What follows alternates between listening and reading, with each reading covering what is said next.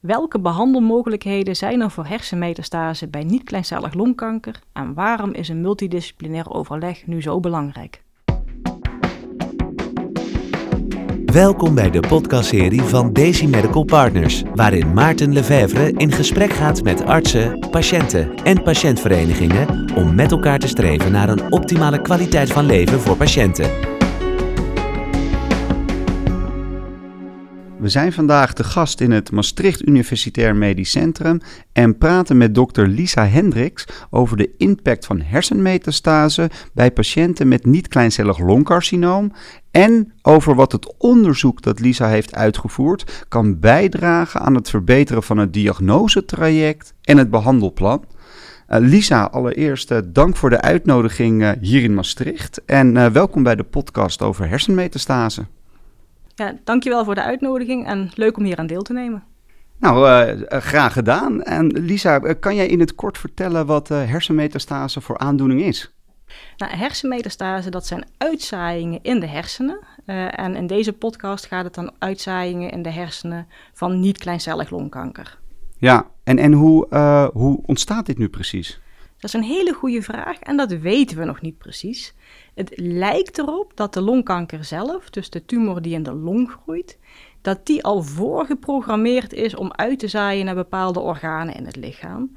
Dus dat die stofjes uitscheidt die dan naar de hersenen gaan. En dat die de hersenen dan al voorbereiden dat ja, de omgeving in de hersenen, dat die dan vriendelijker wordt voor de uitzaaiingen die dan daarna naartoe gaan. Dus bij longcarcinoom worden er vaak uitzaaiingen in de hersenen geconstateerd? Ik denk longkanker uh, is een van de meest voorkomende oorzaken van uitzaaiingen in de hersenen. Ja, en, en zijn er verschillende vormen van hersenmetastase? Nou, ik denk er zijn niet, als je puur bij niet-kleincellig longkanker kijkt, zijn er niet verschillende vormen. Uh, in de zin dat een uitzaaiing is een uitzaaiing. Maar de ene patiënt heeft één uitzaaiing, de andere patiënt heeft een hele hoop uitzaaiingen. De ene heeft klachten, de ander uh, vind je ze bij toeval. Dus dat zijn de verschillen. En um, uh, wat is de relatie dan met niet-kleincellig longcarcinoom en hersenmetastase? Nou, die hersenmetastase, dat zijn dus de uitzaaiingen van ja. het niet-kleincellig longcarcinoom. En dus op de een of andere manier, maar waarom weten we dus nog niet zo goed, wil niet-kleincellig longcarcinoom heel graag naar de hersenen uitzaaien. Het gaat ook naar andere organen, maar de hersenen is een van de voorkeursorganen. Ja, en wat zijn dan symptomen uh, die kunnen duiden op hersenmetastase? Nou, belangrijk is om te weten dat ongeveer een derde van de patiënten helemaal geen klachten heeft. Dus dan maak je een scan in de reguliere zorg om ze uit te sluiten en dan vind je ze bij toeval. Een deel van de patiënten krijgt acuut klachten. Dus op het ene moment hebben ze geen klachten en uh, een kwartier later hebben ze bijvoorbeeld hoofdpijn. En driekwart krijgt subacuut klachten, dus in de loop van enkele dagen. Meest voorkomende klachten is met name hoofdpijn.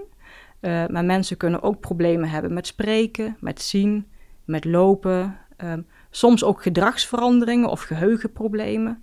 En in sommige gevallen zie je ook dingen als misselijkheid en overgeven. Dus hele gevarieerde klachten. Ja, en dus ook asymptomatisch, als ik ja. het uh, zo ja. goed begrijp. Ja. En uh, wat wordt er in ziekenhuizen en behandelcentra en aan patiënten en naasten verteld over deze aandoening? Ik denk, we vertellen vaak uh, dat ze vaak voorkomen. Dus als je in de Nederlandse richtlijn kijkt bij stadium 3 niet-kleincellig longkanker.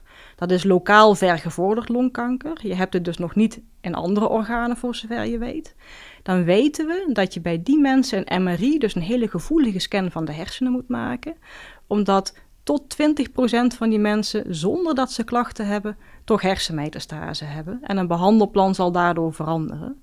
Dus je vertelt die mensen dat het belangrijk is om het na te kijken, uh, juist om ja, klachten voor te zijn en een behandelplan bij te stellen. En Lisa, er uh, loopt, uh, er lopen momenteel een aantal onderzoeken naar hersenmetastase, waar we het graag met je over hebben. En we bespreken graag wat de stand van het wetenschappelijk onderzoek momenteel is en hoe dit gaat bijdragen aan het zorgproces in de praktijk. En wat voor onderzoeken, waar ben je nu bij betrokken? Ik denk als je dan nog even over die screening uh, begint, ja? dus bij die stadium 3, um, het, normaal gesproken maak je een PET-scan uh, bij een patiënt om te kijken, zijn er uitzaaiingen in bepaalde organen, maar je weet dat die PET-scan niet gevoelig is om uitzaaiingen in de hersenen op te pakken. Ja. Tijdens die PET-scan kun je ook een hele goede CT-scan maken, een soort one-stop shop. Die kun je ook van de hersenen maken. Dus wat we een paar jaar geleden hebben gedaan, is kijken, hè, als je nou die CT-scan van de hersenen maakt tijdens de PET-scan, moet je dan nog die MRI, waarvan we weten dat die gevoeliger is, moet je die alsnog maken? Um, want het zou tijd besparen voor patiënten, onzekerheid. Ja. Uh, een MRI kan belastend zijn, het is een enge buis. Nou, daar zagen we dat 5% van de mensen met een schone CT-scan van de hersenen alsnog uitzaaiingen had op de MRI. En dat is relevant, want het behandelplan verandert. Ja. Wat we recent hebben gedaan, omdat uh, in de richtlijnen steeds meer geadviseerd wordt om te screenen op hersenmetastase. Dus je vindt steeds meer hersenmetastase die geen klachten geven. Om te kijken wat de impact daarvan op patiënten is. Van het, we stelden ons voor hè, dat het voor patiënten heel vervelend is om te weten dat er iets in je hoofd zit. Uh, waar je in de toekomst misschien klachten van kan krijgen, zoals gedragsveranderingen. Kan me goed voorstellen. Dat hebben we in interviews gedaan, uh, in groepjes patiënten, uh, focusgroepen heet dat, maar ook met hun naasten in aparte groepen. En daar kwam verrassend genoeg uit dat patiënten de diagnose hersenmetastase niet belastender vinden dan de diagnose van metastase in een ander orgaan. Uitzaaiing in de botten was bijvoorbeeld uh, een vaak beangstigender iets, omdat ze bang waren voor heel veel pijnklachten of een dwarslesie. En dat mensen die MRI uh, eh, waarderen, um, ondanks dat ze belastender vinden, willen ze het beste onderzoek om ja, zeker te weten of ze wel of geen hersenmetastase hebben. Het geeft vaak een stukje duidelijkheid. Ja, het geeft een stukje duidelijkheid. Ja. En wat voor invloed uh, kunnen de onderzoeksresultaten um, hebben op verschillende behandelplannen? Ja. Nou, de onderzoeksresultaten hier zullen niet direct een invloed hebben op een behandelplan. In de zin van uh, je moet die MRI maken en patiënten waarderen het. Ik denk voor de toekomst misschien wel. Bijvoorbeeld in de Europese en Amerikaanse richtlijnen uh, zie je dat ook uh, screening op hersenmetastase bij uitgezaaid longkanker wordt uh, geadviseerd. Ja. Dat staat nog niet in de Nederlandse richtlijn, omdat we niet weten of mensen daar langer of beter door leven. Um, een van de argumenten die vaak wordt aangehaald om niet te screenen is dat het te belastend is voor patiënten. Nou, dat vang je nu weg. Um, wat ik heel graag zou willen doen is een onderzoek waarbij eigenlijk gelood wordt bij een diagnose van uitgezaaid longkanker, MRI of geen MRI. En dan kijken van, um, verbeter je dan ook het leven en de kwaliteit van leven voor patiënten? Ja, ja dat zou heel interessant kunnen zijn. En wat voor uh, invloed zou dat dan kunnen hebben op gesprekken die je uh, samen met de patiënt voert? Ik denk uiteindelijk um, wil je een soort, ja, samen beslissen met de patiënt. Ja. Um, op het moment dat je weet dat iets uh, mogelijk een goede invloed heeft op kwaliteit van leven of langer leven, dan kun je dat bespreken met patiënten. Op dit moment is het met name zo dat je moet bespreken dat je nog niet weet als je uitgezaaid longkanker hebt of dat screenen zin heeft. We doen het hier uh, in Maastricht wel steeds vaker uh, met mensen met bepaalde mutaties in de kanker, waar, waarvoor doelgerichte therapie is. We weten dat die mensen vaak heel goed reageren op die doelgerichte therapie aan lang leven dat die nieuwe doelgerichte therapieën vaak ook goed werken in de hersenen, uh, maar dat toch soms die uitzaaiingen ontsnappen. Mm -hmm. En juist omdat mensen heel lang leven, wil je die, die uitzaaiingen vangen voordat ze klachten gaan geven, zodat ze bijvoorbeeld bestraald kunnen worden. Nou, en dan kom je meteen bij een volgend onderzoek wat we uh, ja, in de, de academische ja, drijvermutatiecentra, zoals we dat noemen, hebben lopen. Is dat uh, als mensen doelgerichte therapie hebben, en daarbij groeiende of nieuwe hersenmetastase die je wilt bestralen, is het volgende discussiepunt eigenlijk in alle richtlijnen. Wat moet je dan doen? Mhm. Moet je die doelgerichte therapie stoppen voor, tijdens en na de bestraling, omdat je bang bent dat dat bijvoorbeeld meer bijwerkingen gaat geven als je het samengeeft?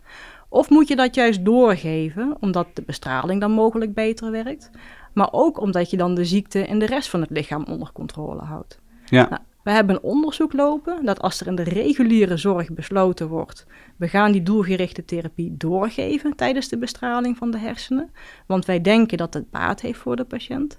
Dan gaan patiënten bij ons uitgebreide uh, neurologische en geheugentesten krijgen voor en na de bestraling en ook scans van het hoofd om zeker te weten hè, dat je niet zo meer bijwerkingen induceert. En ik hoorde je zojuist ook al iets zeggen over mutaties. Hebben be bepaalde mutaties invloed uh, op uh, hersenmetastase?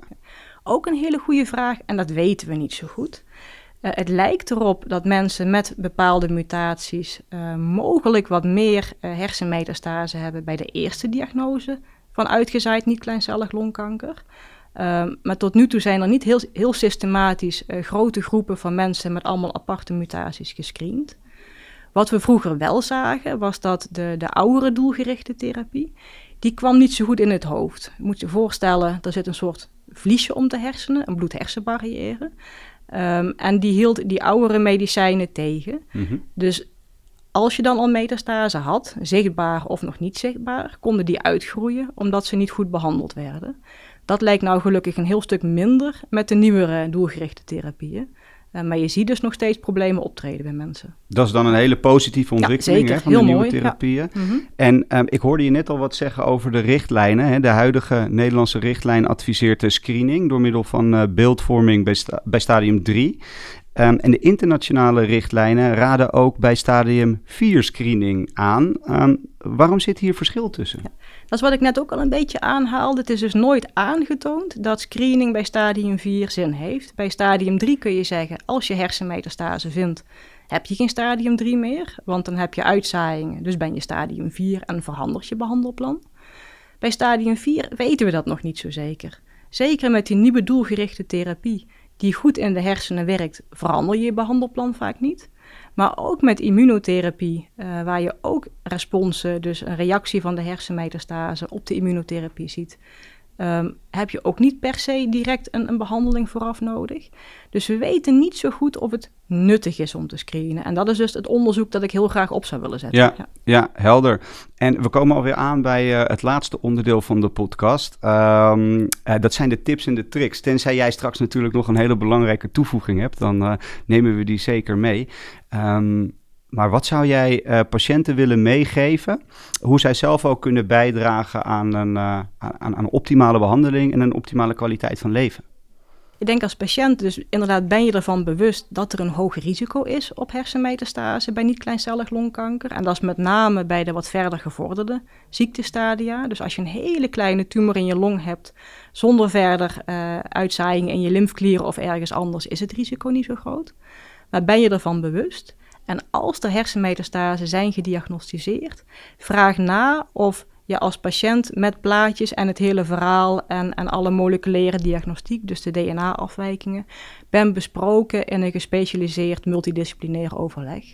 We weten vanuit eerdere onderzoeken, bijvoorbeeld in Engeland, dat uh, het bespreken in een multidisciplinair overleg vaak toch het behandelplan um, aanpast, hopelijk verbetert. Um, en ik denk dat je zeker als patiënt met alle behandelmogelijkheden die er nou uh, zijn, recht hebt op de beste behandeling. Ja. En vraag na of er mogelijk een st studie is speciaal voor hersenmetastase bij longkanker. En dan toch nog even uh, een tip misschien dan voor de behandelaren. Um, Hè, want hoe kunnen zij het stukje onderzoek waar jullie mee bezig zijn goed naar de dagelijkse praktijk uh, vertalen om ook bij te kunnen dragen aan die kwaliteit van leven van de patiënt?